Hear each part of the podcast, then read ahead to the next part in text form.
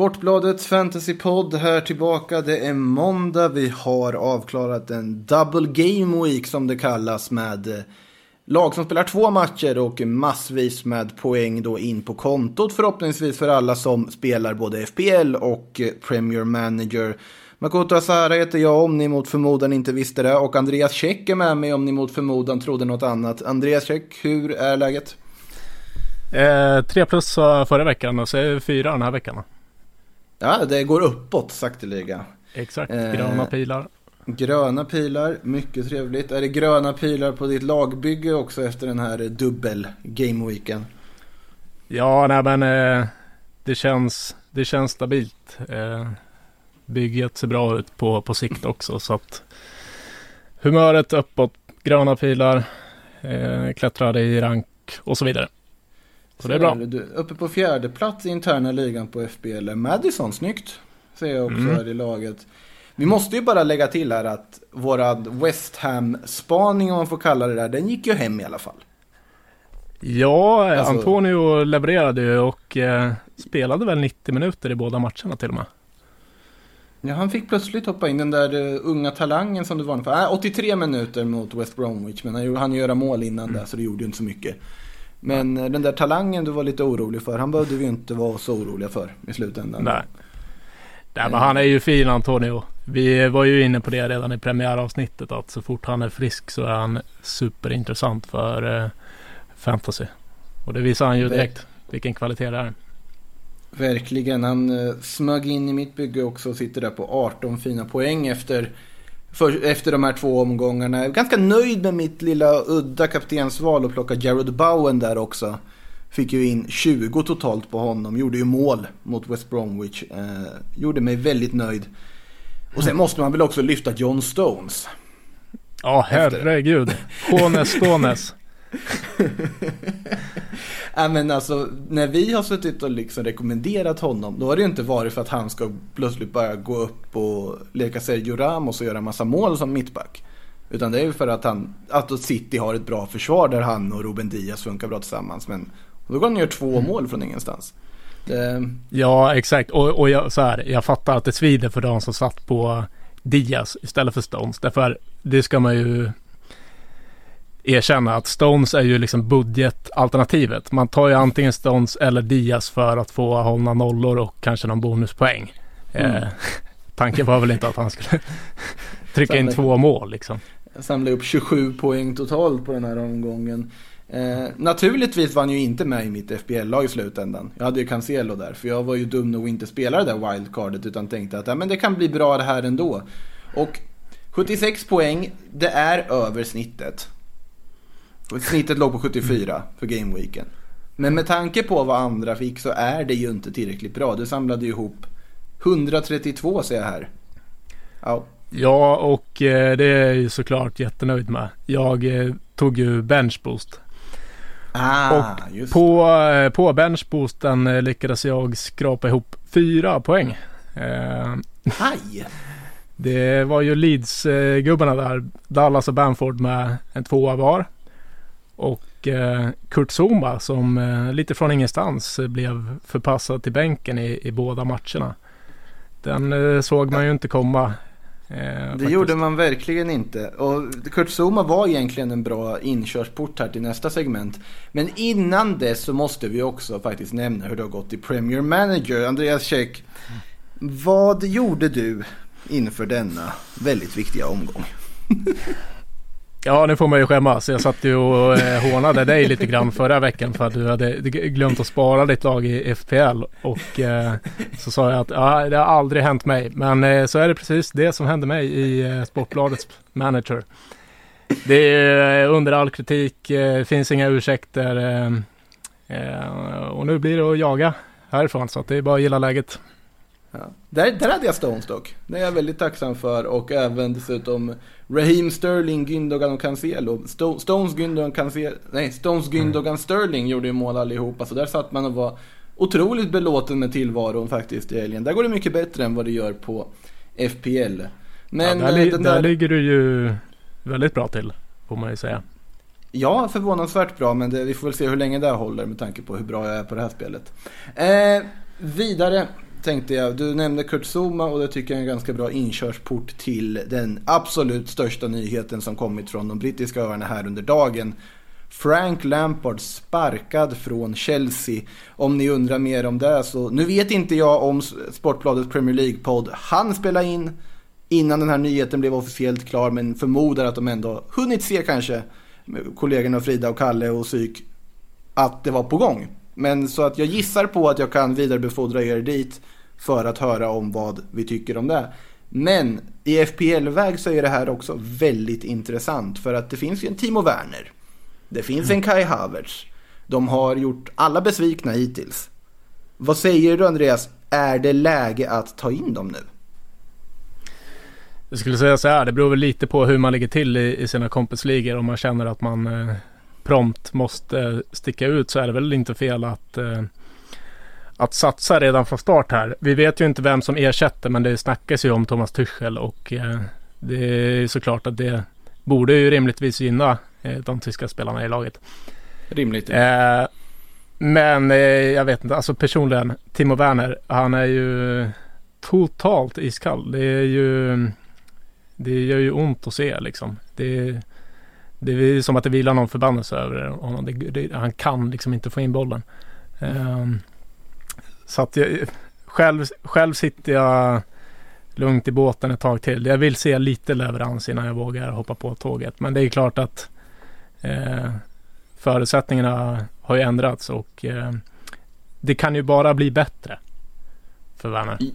Ja, jag har ju envist behållit Timo Werner sedan omgång ett i FPL, vilket kan vara anledningen till att jag ligger så bedrövligt dåligt till som jag gör. Men nu kommer han ju garanterat inte lämna laget om Tuchel tar över. Att man ändå nu sitter och avvaktar och ser vad kommer Tuchel göra. För att den tränare, om det nu blir Tuchel eller någon annan, den tränare Chelsea tar in, han kommer ju garanterat att åtminstone försöka aktivera Werner och Habert. För det har ju varit ett av Lampards stora bekymmer under den här säsongen och en av anledningarna till att han nu får lämna. Eh, men så det är läge att börja titta lite på Chelsea. Men om ni sitter ganska bra till i ligorna så är det väl kanske inte läge att börja chansa på Chelsea-spelare. För man vet ju inte riktigt vad det är för typ av formationer som kommer dyka upp från då den nya tränarens eh, ritbord här under kommande veckorna. Eh, vidare då. Eh, det finns ju lite andra lag som man kanske ställer lite frågetecken till inför kommande omgång. För det är ju lite skador som har dykt upp här under den här double game weeken. Några mer oroväckande än andra för många. Kanske mest oroväckande för väldigt många av spelarna både på FBL och Premier Manager är ju skadan på Kevin De Bruyne. Precis. Eh, såg ut som att han tog sig för baksidan där och det snackades ju om eh, minst tre veckor, förmodligen ännu mer. Eh, vilket ju innebär att han kommer missa de här tre drömmatcherna som eh, City har nu. West Bromwich, Sheffield United och Burnley. Och troligtvis även eh, Liverpool-matchen då i början av februari där. Eh, och så har vi ju en skada på Jamie Vardy som ska genomgå någon slags, något slags eh, ingrepp. Ja, det är Brock han har fått va? Som han ska göra en operation på här nu. Ja, och det låter kanske värre än vad det är. Eh, det Rogers har sagt är väl att det ska röra sig om eh, ungefär två veckor va? Kanske lite ja, mer. Något i den stilen, men det är ju lite matcher som kommer missas oavsett. Så är det, så är det. Och eh, det går ju att se på det här ur eh, från två håll. Jag skulle säga att det, det är klart det är jobbigt att tappa eh, Kevin De Bruyne för vi, han är ju liksom motorn i Citys lag och med tanke på deras spelschema och att han eh, faktiskt har kommit igång lite här på slutet så det är en spelare man väldigt gärna vill ha när han är frisk och just att han är ju den eh, han är ju tokgiven liksom. Det roteras friskt eh, bland Citys mittfältare men KDB är ju mm. den eh, ständiga eh, startmannen. Så att men man kan ju också se det här som lite av en eh, blessing in disguise. Det är ju otroligt mycket pengar som eh, frigörs. Speciellt om man sitter på både KDB och Vardy. Då är det ju liksom eh, över 20, 20 miljoner man får loss här och mm. kan spendera. Och här finns det ju också, det, vi har faktiskt en lyssnarfråga här som passar ganska bra till just det här frågan man kanske ställer sig nu för att City har ett trevligt schema. Man kommer vilja ha spelare från Manchester City även i kommande omgångar. Och Simei25 frågar här, vilken offensiv City-spelare är mest prisvärd? Och det är ju en väldigt rimlig fråga att ställa sig här nu när Kevin De Bruyne är borta och man måste ersätta honom. Ja. Ja, och här är jag, jag har suttit de senaste dagarna och grottat ner mig i underliggande siffror och brottas med alla möjliga tankar fram och tillbaka. Eh, därför att jag eh, vill ha eh, City offensiv i laget för de här tre matcherna. Mm. Så att eh, jag har gjort ett byte och jag har plockat in en City mittfältare. Jag ska återkomma till vem det är. Men eh, så här, mest prisvärd skulle jag väl ändå säga är Gündogan. Eh, och det ja. verkar ju vara det mest populära alternativet. Eh, han är ju i kanonbra slag. Eh, har eh, haft flest avslut inne i boxen. KDB inräknat de senaste gameweeksen här. Och han kostar ju bara 5,5. Så att mm. man sitter ju väldigt bra på honom. Både på kort och lång sikt och det är lätt att eh, man, man, låser liksom inte upp en stor del av sin budget utan man kan sitta kvar på Gündogan och ändå få in Son eller Kane lite senare om, om man nu vill det. Mm. Nej, det, jag håller med om Gündogan. Sen är frågan hur, ja nu har han ju varit en just offensiv förstärkning på att han plötsligt börjat göra mål och sånt. Jag tänker ju en spelare som Bernardo Silva. Det är inte mycket poäng som har kommit från de fötterna egentligen den här säsongen. Men också måste man räkna med att han spelar i en väldigt offensiv roll. Han gör det vecka ut och vecka in mer eller mindre. Och vi vet att han kan göra väldigt mycket poäng och han kostar inte allt för mycket. Eh, det finns, om man vill chansa, jag brukar alltid ta de här chansalternativen som ingen annan tar för jag ska vara så hipstrig när det kommer till fantasyspel. Men Bernardo Silva kanske kan vara något att titta på också. Ja, det, det kan jag ju avslöja här och nu att det är faktiskt eh, Bernardo Silva som jag tagit in som rakerköttare till KDB. Och eh, vi, vi kan fortsätta på det här segmentet ett tag till därför att eh, man, man ser på Twitter att folk sliter sitt hår över det här. Vem ska man ha? Ska man gå rakt över till Sterling? Ska man chansa med Foden? Ska man ta det säkra kortet och gå på Gündogan? Vågar man Mares igen med tanke på eh, bänkningen här? ja, den upplevde jag kan jag säga från första parkett här under veckan. Men eh, det som talar emot Bernardo Silva är ju, mm. ja, Kahn har gjort ett mål och noll assist på hela säsongen. Så att det har ju inte varit eh, leverans.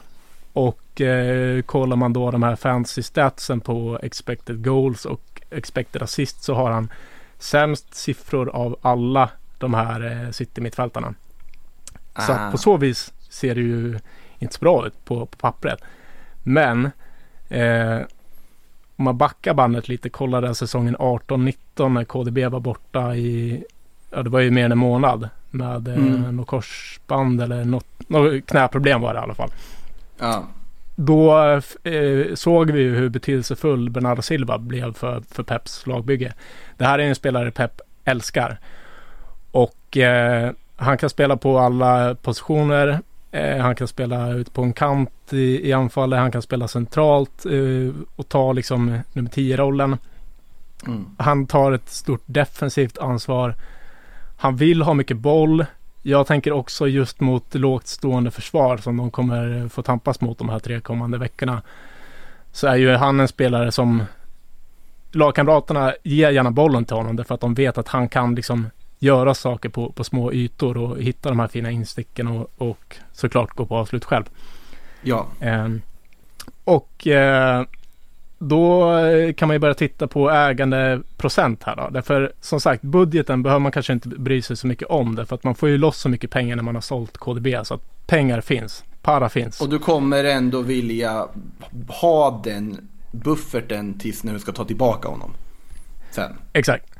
Eh, men eh, av de här uh, sex mittfältarna som ändå är aktuella då. Foden, Sterling, Gündogan, Mares, Torres och Bernardo Silva. Så har vi Phil Foden är mest ägd. 11,3 procent sitter på Foden. Och För jag fattar det. Han är billig. Han är otroligt bra när han spelar. Ja. Eh, och eh, han visar ju väldigt fin form. Han var ju bäst på plan i den här cupmatchen de körde i veckan. Mm. Men eh, han, är, han är ju fortfarande ung och det är ju så här. Vi har ju sett det förut. Han gör, jag vet inte om det var hattrick eller två mål i någon cupmatch och är liksom tokbra. Ja, och sen blir jag bänkad i ligan i nästa match och det är ju för att Pep säger ju det att han är liksom fortfarande opolerad, ung och, och ja. så. Han är ju fortfarande lite av en oslipad diamant. Så jag tror inte Pep vågar spela honom centralt som liksom rak ersättare till eh, KDB. Och eh, Foden verkar ju trivas bäst ute till vänster och där vill ju Sterling också spela. Så att jag tror fortfarande att Foden kommer vara lite in och ut från eh, elvan trots att han är i så bra form. Mm. Och då vågar inte jag sitta på honom. Jag tror att de som kommer få mest speltid är Sterling, Gündogan och eh, Bernardo Silva. Tänker jag. Tror du Mares är helt ute ur leken efter att han plötsligt nu börjat petas ganska rejält? Nej, nej det tror jag inte. Eh, han, han, eh, han kan ju också eh, spela på alla positioner. Eh, mm. Eller alla och alla, men antingen till höger eller centralt då. Och eh, jag, jag, jag, tänker att Sterling är given och han kommer spela till vänster och sen kommer det snurras lite ute till höger mellan Foden, Mares, eh, Jesus kan ju spela där ute också och någon av dem kan gå in centralt. Mm. Eh, men om vi fortsätter då på ägandeprocent så har vi Sterling på 7,4, Gündogan 6,7, Mares 3,3, Torres 1,1 och sen har vi Bernardo Silva på 0,9 procent ägandeskap. Så lite? Ja. Och då tänker jag så här. Eh, alla de här spelarna har ju tog bra uppsida liksom. Alla mm. har ju ett hattrick i sig. För ja. att City är så bra som lag. Mm.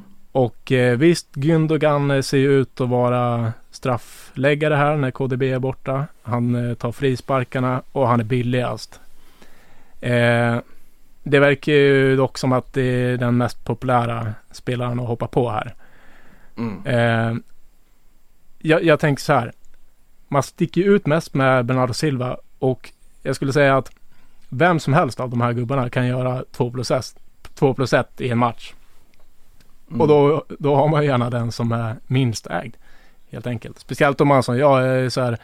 Visst, jag klättrade mycket i rank efter den här double game weekend, men jag är fortfarande 3-4 i mina kompisligor och behöver ju sticka ut. Så jag tänker att det här är en bra sticka ut spelare.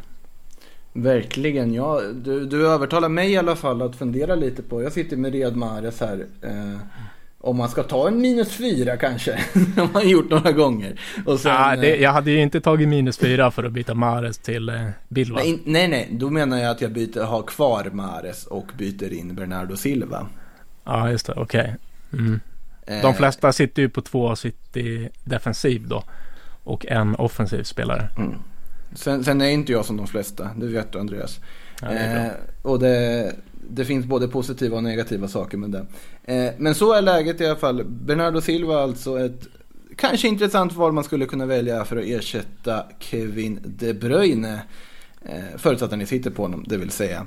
Eh, har ju dykt upp lite nyförvärv också. Det är mitt inne i silly season här också med eh, vinterfönstret som går in på sin sista vecka och det finns ju faktiskt lite värvningar här som både bekräftade och eh, obekräftade sådana som kan var intressanta ur fantasyperspektiv. Om vi börjar med den bekräftade värvningen William José till Wolverhampton.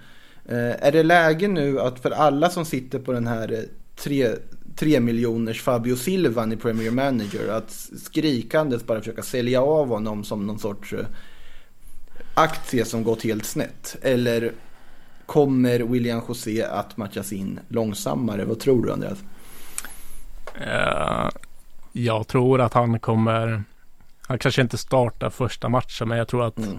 på väldigt kort tid kommer han gå in och, och ta den här platsen och jag tror också att han kommer göra bra ifrån sig. Det har inte kommit något pris. Han har inte lagts till i FPL eller i vårt spel heller. 6,5 gissar jag. I FPL ja. Mm. Ja, då skulle Vår... jag säga att han... Då är han, han ju värd. Ja, nu ser jag att han har lagt till, lagts till i vårt spel och kostar 5,0. Kostar 5,0? Mm. det är ett bra pris liksom. Ja, du tyckte det var bra. Jag tyckte det var dyrt. Nej, jag tycker det är ganska bra. Men sen ja, är ju Wolves eh, spelschema är ju sådär och det, mm. det, ser ju inte speciellt bra ut. Men jag menar William José med eh, Pironet och eh, Podens då när han är tillbaka på en varsin kant. Det, det kan nog vara... Det kan bli roligt. Det, kan bli, det känns det ju helt rätt typ av spelare de har fått in i alla fall för att ersätta skadade Raúl Jiménez. Det råder ju ingen tvekan om det. Eh, jag tänker Cutrone som kom tillbaka fick ju 6,0 så vi kanske ska höja William då. Säg 7. Ja, ja vi får se. Men någonstans där mellan 6 mm. och 7 skulle jag tänka mig. Men du, jag satt ju och höll, höll låda här länge och sitter i mittfältarna. Det här ja. är ju, det här är ju ditt expertområde. Det är ju Real Sociedad-spelare vi snackar om nu. José och nästa spelare vi ska prata om också. Så här, nu vill du att jag ska hålla låda. Nu vill jag att du grottar ner dig. Och... Nu ska jag grotta ner mig. Du, jag har inte dock våndats lika mycket eller hunnit uh, reflektera över de här nytillskotten till den ja, stora flora av spelare det finns att välja mellan uh, i detta spel. Men det jag kan säga om William José är väl att det är ju en otroligt nyttig anfallare. Ganska... Han är ju inte direkt mobil. Det är ju en spelare som är ganska stark i duellspelet. Han sätter mycket avslut, bra fram i boxen, nyttig på alla sätt och vis och passar ju Wolverhamptons spelidé väldigt bra och han passar nog att gå in på kort sikt och ersätta alltså Jiménez. Så jag tror absolut kan bli leverans. Sen är frågan hur man kommer använda honom. För vi ska ju ha i åtanke att William José var under hösten ett andra val till Alexander Isak. Mm det är inte en spelare som nödvändigtvis alltid kommer att vara i den där startelvan. Och jag tror att med tanke på att Fabio Silva ändå plötsligt börjat visa lite tendenser till varför Wolverhampton betalat så mycket som de gjort för honom. Fortfarande valpig, men han har ändå visat att det finns ganska mycket talang i de där fötterna. Så tror jag ändå inte på att William José kommer vara helt självskriven. Utan jag tror att han är ett komplement för att man ska ha alternativ. Sen tror jag inte heller att båda kommer spela, men det kan man också ha fel. Så jag kommer nog avvakta lite där också sett till att jag tycker inte Wolves känns särskilt farliga framåt just nu och att de har det här tuffa spelschemat de har. Men om vi går till den andra Real Sociedad-kopplade spelaren så är det ju då Martin Ödegård. Nu kommer han från Real Madrid och med all sannolikhet så kommer han ju också skriva på för Arsenal på ett halvårs långt lån. Och här blir jag väldigt intresserad. För Ödegård hade absolut inte gått med på att ta ett halvårslån i Arsenal efter samtalet med Arteta om inte han har fått någon form av löfte på speltid. Han är en speltyp som är i princip klippt och skuren för det Arsenal har skrikit efter eh, under hela hösten i princip. En kreativ mittfältare som kan göra det oväntade och skapa möjligheter till spelare som Pierre-Emerick Aubameyang, Lacazette, Pepe, William och så vidare. Eh, nu har man ju fått in Emil Smith Rowe. Som har gjort att de här mm. skriken inte har varit lika högljudda på sista tiden att man måste få in någon. Eh, men om man jämför med spelare som Isco, Christian Eriksen och Julian Brandt som också kopplas till Arsenal så är ju Ödegård en skänk från ovan. Att de får in den kvaliteten som han besitter för att Real Madrid har slarvat bort honom på att man då felaktigt lovade honom att han skulle få speltid men sen har Zidane mer eller mindre vägrat försöka genomföra den här generationsväxlingen och Ödegård har hamnat helt i kläm. Eh, inte den första spelare som gör det med Zidane ska tilläggas. Så jag tror att han kan få otrolig utväxling i Arsenal. Det som gör mig lite orolig ur fantasyperspektiv är att det är nog väldigt mycket hockeyassist. Att det inte är mm. en spelare som direkt kommer ösa in poäng och göra hattrick och sådant. Utan han kommer ligga bakom väldigt mycket finns en sannolikhet att han kommer ligga lite längre ner i banan också. Men att det inte är den här poängspelaren som man kanske verkligen vill ha på mittfältet. Eh, han kommer göra väldigt bra matcher, han kommer samla sina bonuspoäng. Sånt. Det, det tror jag verkligen att han kommer lyckas med i Arsenal. Och han kommer passa ganska bra. Eh, och skapa en rejäl hype borta i Norge. De är helt galna nu när han ska till Premier League. Martin Ödegård, där kan man ju tänka sig vilken hype det är. Ja, eh, hur, hur, ska de, hur ska de eh, få plats på sina sajter liksom? Det är ju redan 14 eh, Solskär-artiklar varje dag. Och sen ska Vilka ska de hålla på? ja, exakt. Ja, det, det, blir... och, så, och så skickar vi Håland till Chelsea på det vet du. Då blir, då blir det, ja då är det kaos. Nej, men jag gissar på att det bara en ren chansning att om Ödegård blir officiellt klar för Arsenal så kommer han kosta runt 7. ja, då... det blir ju väldigt intressant att se vad han kostar. Eh, mm. Om man ligger runt 7, om man till och med ligger lägre än så, vilket vi inte helt ska alltså räkna bort med tanke på att de inte alltid har så god koll på vad som sker i andra ligor, de som sätter poängen i FBL. För alltså då, då är, kan det ju vara värt, men om man kostar mer än så, om man ligger upp mot 8 och så vidare, då skulle jag nog avvakta. För jag tror att det är en spelare som kommer leverera, men inte nödvändigtvis i direkt poängform i fantasyperspektiv. Nej, jag håller med. Mm.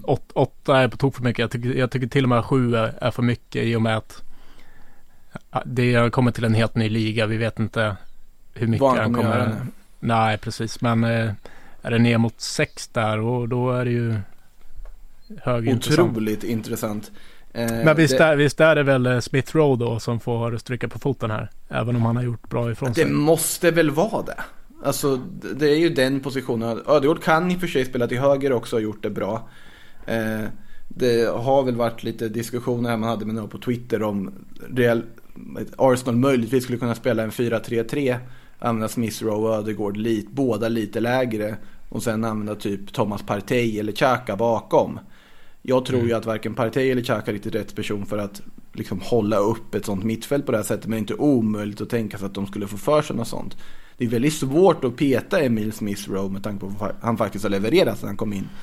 Men här... Jo, men jag tror ändå liksom att fansen köper det. Det är ändå, han är 20 år och har liksom framtiden för sig.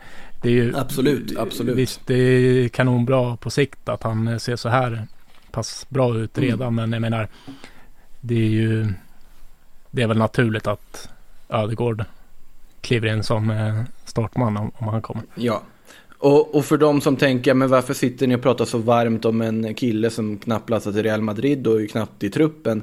Så är det ju så att titta på höjdpunkter från Real Sociedads höstsäsong 2019 och sen kan ni komma tillbaka med de frågorna. Eh, för då var han, ja alltså i princip bäst i La Liga. Kan man, och det, det, är inget konstigt att säga det utan det var han faktiskt. Med Messi-relaterade eh, restriktioner i det där uttalandet ska tilläggas. Men eh, Ödegård alltså kanske snart i ett FPL-lag nära dig. Något som också är nära oss allihop är den kommande Game Weeken som drar igång här nu i inspelande stund imorgon, tisdag 26 januari. Innan vi börjar titta på den så måste vi också lyfta de som har gjort det bäst i eh, vårat spel här i Premier Manager under den förra dubbelomgången. Eh, Jasseman med laget Chiefs Göteborg samlade ihop hela 2,2 miljoner, eh, 2 miljoner 293 020 i eh, då värdeökning. Bäst av alla i omgång två i Kalle Karlssons liga. Om ni inte är med, gå med i ligan för övrigt. Eh, och det som gör mig glad här är ju att se att att då Jasseman här har Sterling, Gündogan, Stones och Cancelo med Sterling som kapten. Vem har också det? Jo, undertecknad. Ja. Och även gått helt rakt på då fyra Arsenal-spelare. Har Leno, Tierney, Saka och Smith Rowe och dessutom tre Aston Villa-spelare som har vågat kasta in och fick bland annat poäng på Bertrand Traoré på topp där. Eh, ja, det är snyggt. Stark omgång med bara tre lag där från Jasseman får vi säga. Eh, totalledningen i ligan den har dock eh, Rutvall med Rude the Wall. Eh, som leder just nu också han med ett fint lag. Paul Pogba med kaptensbinden, snyggt där får vi säga. Eh, som ändå gjorde ett väldigt vackert mål här nyligen. Men inte helt blandat ihop omgångarna i huvudet. Eh, ja men kommande Game Week då om vi går till den. Vad, vad ska mm. du göra? Du skulle ersätta De Bruyne med, vad heter han, Bernardo Silva. Ja exakt och det blir, det blir inga fler byten. Jag tror att Många sitter ju på en väldigt stark bänk nu. Eh, mm. man, har ju, man byggde ju sitt lag för den här dubbelveckan och det kanske var eh, många som tog eh, wildcard då. Och eh, då är det ju inte så många bränder att släcka liksom. Eh, men eh, ja, det bytet är redan gjort. Bernardo Silva har, har äntrat laget och nu är bara frågan var eh, kaptensbindeln ska sitta. Ja, det är ju det som är frågan. Det har jag också suttit och funderat för jag tror inte Jared Bowen kommer få min igen. Eh, jag har gjort ett byte också faktiskt. Jag hade bara ett fritt byte och sen är det att man sitter där och velar om man ska ta in någonting mer från City. Eh, men jag har gjort ett målvaktsbyte. Okej. Okay. Eh, för, jag ins- för jag har suttit med Rui Patricio sen inledningen för att det att Wolves är bra på att försvara och så vidare. Men de har ju det här tuffa spelschemat nu som kommer och det mm. känns ändå som att det finns bättre alternativ.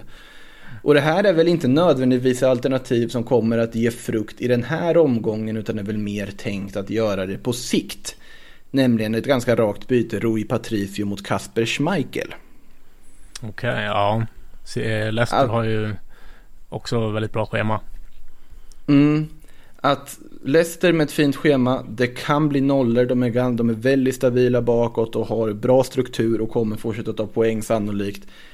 Och då känns det inte helt dumt att ha lite representation från dem och då i form av dansk representation i målet. Så det är den ändring jag har gjort. Samtidigt som jag sitter och velar på om mitt fuskbygge ska ta en minus fyra som sagt för att få in någonting annat roligt. Eh, det är ju många av de här spelarna man måste sitta på som det här eh, otroligt underliga konstprojektet då inte har. Eh, så att det finns lite huvudbry där, bland annat när det är Tottenham-Liverpool som väntar också. Det är också en fråga. Hur ska man resonera kring Liverpool? Alltså med tanke på måltorkan. Mm. Jag sitter just nu på eh, Salla. Bara Salla. Har gjort det ett tag. Mm. Och det tror jag att många andra gör också. Man kanske har haft eh, Robertson men nu håller de ju inga nollor längre. Eller? Det, det ja. gör de väl några. Ja. Men det, det ser svajigt ut både bakåt och, och framåt mm. tycker jag. Eh, men jag skulle säga så här, sitter man på Salah så, så sitter man kvar. Liksom. Jag tycker inte det finns någon anledning att sälja. Vi såg att han smällde in två mål mot United här. Så att ja. Det är också så här, visst, det, det, det, det är liksom hundratals mållösa minuter i ligan. Men det, man skapar ju fortfarande lägen och Salah, vi vet ju vad han går för. Han har ju ett hattrick i sig. I, i, det, det, kan ju komma när som helst liksom. Det är bara en tidsfråga.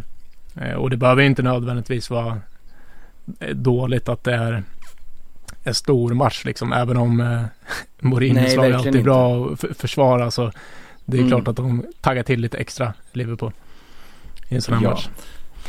Eh, om Men vi går bin, vidare då. Binden då. Ja, just det. Det är den ja. Känslan är väl att de flesta sätter den på Bruno Fernandes va? Hemma mot Sheffield United. Ja, det gör de flesta. Det dumma är att jag inte har Bruno Fernandes på FPL. Jag vet inte Oj, varför jag inte har det. Det, det, är, det är skandalöst egentligen. Ja, den är jobbig framförallt den här veckan. Han fick ju sin vila här i, i, i kuppen. Ja, han ja. kom ju in, kom in på slutet och drog in en frispark. Och det sitter ju två människor här mitt i hjärtat av mitt mittfält här som heter Sadio Mané och Jun Min Son. Och där är man ju väldigt sugen på att just ta den där minusfyran och kanske låta någon av dem där lämna Real Makoto Club de Fotboll. Och att få in Bruno Fernandes. För det känns ändå som en spelare som han gör hattrick, alla andra sitter på honom, då kan jag ju jag packa ihop och åka hem helt enkelt. Det kan jag egentligen redan göra nu, men... Ja, men han är, han är ägd till 55 procent så att mer än hälften av alla lag har honom. Det är väl nästan ett läge att göra det. Ja, det, det här kommer att ge huvudbry som ni hör och det där huvudbryn kommer väl fortsätta här in på kvällen. Eh, men då ser det ju mycket trevligare ut i Premier Manager tycker jag. Där sitter ju Bruno, där sitter Gündogan och, och laget känns klart inför nästa omgång. Ingen anledning att ta någon minus i värde där för att göra något byte inför stundande omgång tre. Men du kanske måste byta lite. Nu vänder det här vet du. Ja, där har jag redan bytt. Eh. Där har du bytt? Ja visst, där har det bytts för fullt kan jag säga. Vad har du bytt då? Eh, det här med Wolves-gubbarna är borta och mm, jag tog eh, Bernardo Silva även där. Eh, han var ganska billig där. Han kostade ungefär lika mycket som De Bruyne väl? Ja, exakt. Antonio mm. kom ju in också. Jag sa ju att jag skulle ha in honom men så glömde jag ju byta så att det var det sen, sen har jag dragit en liten chansning på Josep Perez. Någon ska ju spela ah. nu när Vardy är out och eh, det är väl möjligt att eh, Iheanacho får sina minuter också men eh, Perez startade i kuppen här där de ställde ett ganska bra lag på banan och jag tyckte han såg eh, helt okej ut. Så att, mm. lite chansning där. Inte, är han mycket billigare än Harvey Barnes? Eh, alltså han är ju anfallare i vårt spel. Ah, men finns det ingen, finns det ingen formationsändringsmöjlighet med att skulle kunna ta Barnes istället då? Jo, det är det också, men Barnes är ganska mycket dyrare. Eh, ja, det är mycket dyrare. Mm. Ja, Barnes kostar 6,3 och Perez kostar 4,6. Eh, det är ju en. Eh, väsentlig skillnad. Ja, men Barnes, är, Barnes är, han ser jättebra ut. Och det är verkligen intressant. Nu sitter jag redan på Madison i FPL så att jag vågar inte dubbla upp med mittfältare där. Men har man inte Madison så kan man ju definitivt satsa på eh, Barnes. Han har, mm. Även om det är Madison som har gjort målen här så har Barnes bättre underliggande siffror om vi ska fortsätta mm. på det som Ja, men eh, då är det väl bara att eh, uh, finslipa lagen. Andreas Käck har kommit ihåg och fixa sitt managerlag. 1-1 i strikes nu på oss två när det kommer till att faktiskt ta vårt ansvar och fixa ihop lagen. Det är det minsta vi kan göra egentligen när vi, när vi då faktiskt sitter och poddar om det. Så är det. Men... Uh... En uh, sista, sista shoutout bara. Uh, om man uh, ligger långt efter, känner att man måste ja, göra stick, något. Sticka ut och eh, som sagt de, de flesta eh, sätter nog binden på Fernandes. Men är det någon gång man ska kaptena en back så kanske det är den här veckan. Alltså jag, jag pratar om Cancelo. Det är helt otroligt att inte han har gjort eh, mål och assist på eh, hur många matcher som helst nu. I förra matchen hade han ju, fick han ju framspelaren av eh, De Bruyne och, och pricka ribban. Han hade i stort sett mm. upp ett mål. Han skapar ju hur mycket som helst och han ser ju, han ser ju så bra ut så det finns inga ord. Där kommer det en islossning eh, eh, vilken sekund som helst och eh, vi räknar väl med att de håller nollan mot West Bromwich också. Så att, ja, det är både ett eh, bra så kallat floor och eh, high ceiling. Mm. Det, det, heter golv och tak på svenska. eh, jag, jag flyttar faktiskt min kaptensbindel till Cancelo faktiskt precis i stunden vi står och pratar om det här nu. För jag satt också och funderade, vad ska jag lägga kaptensbindeln? Men det där är ju Cancelo, det är ju äntligen någon jag har.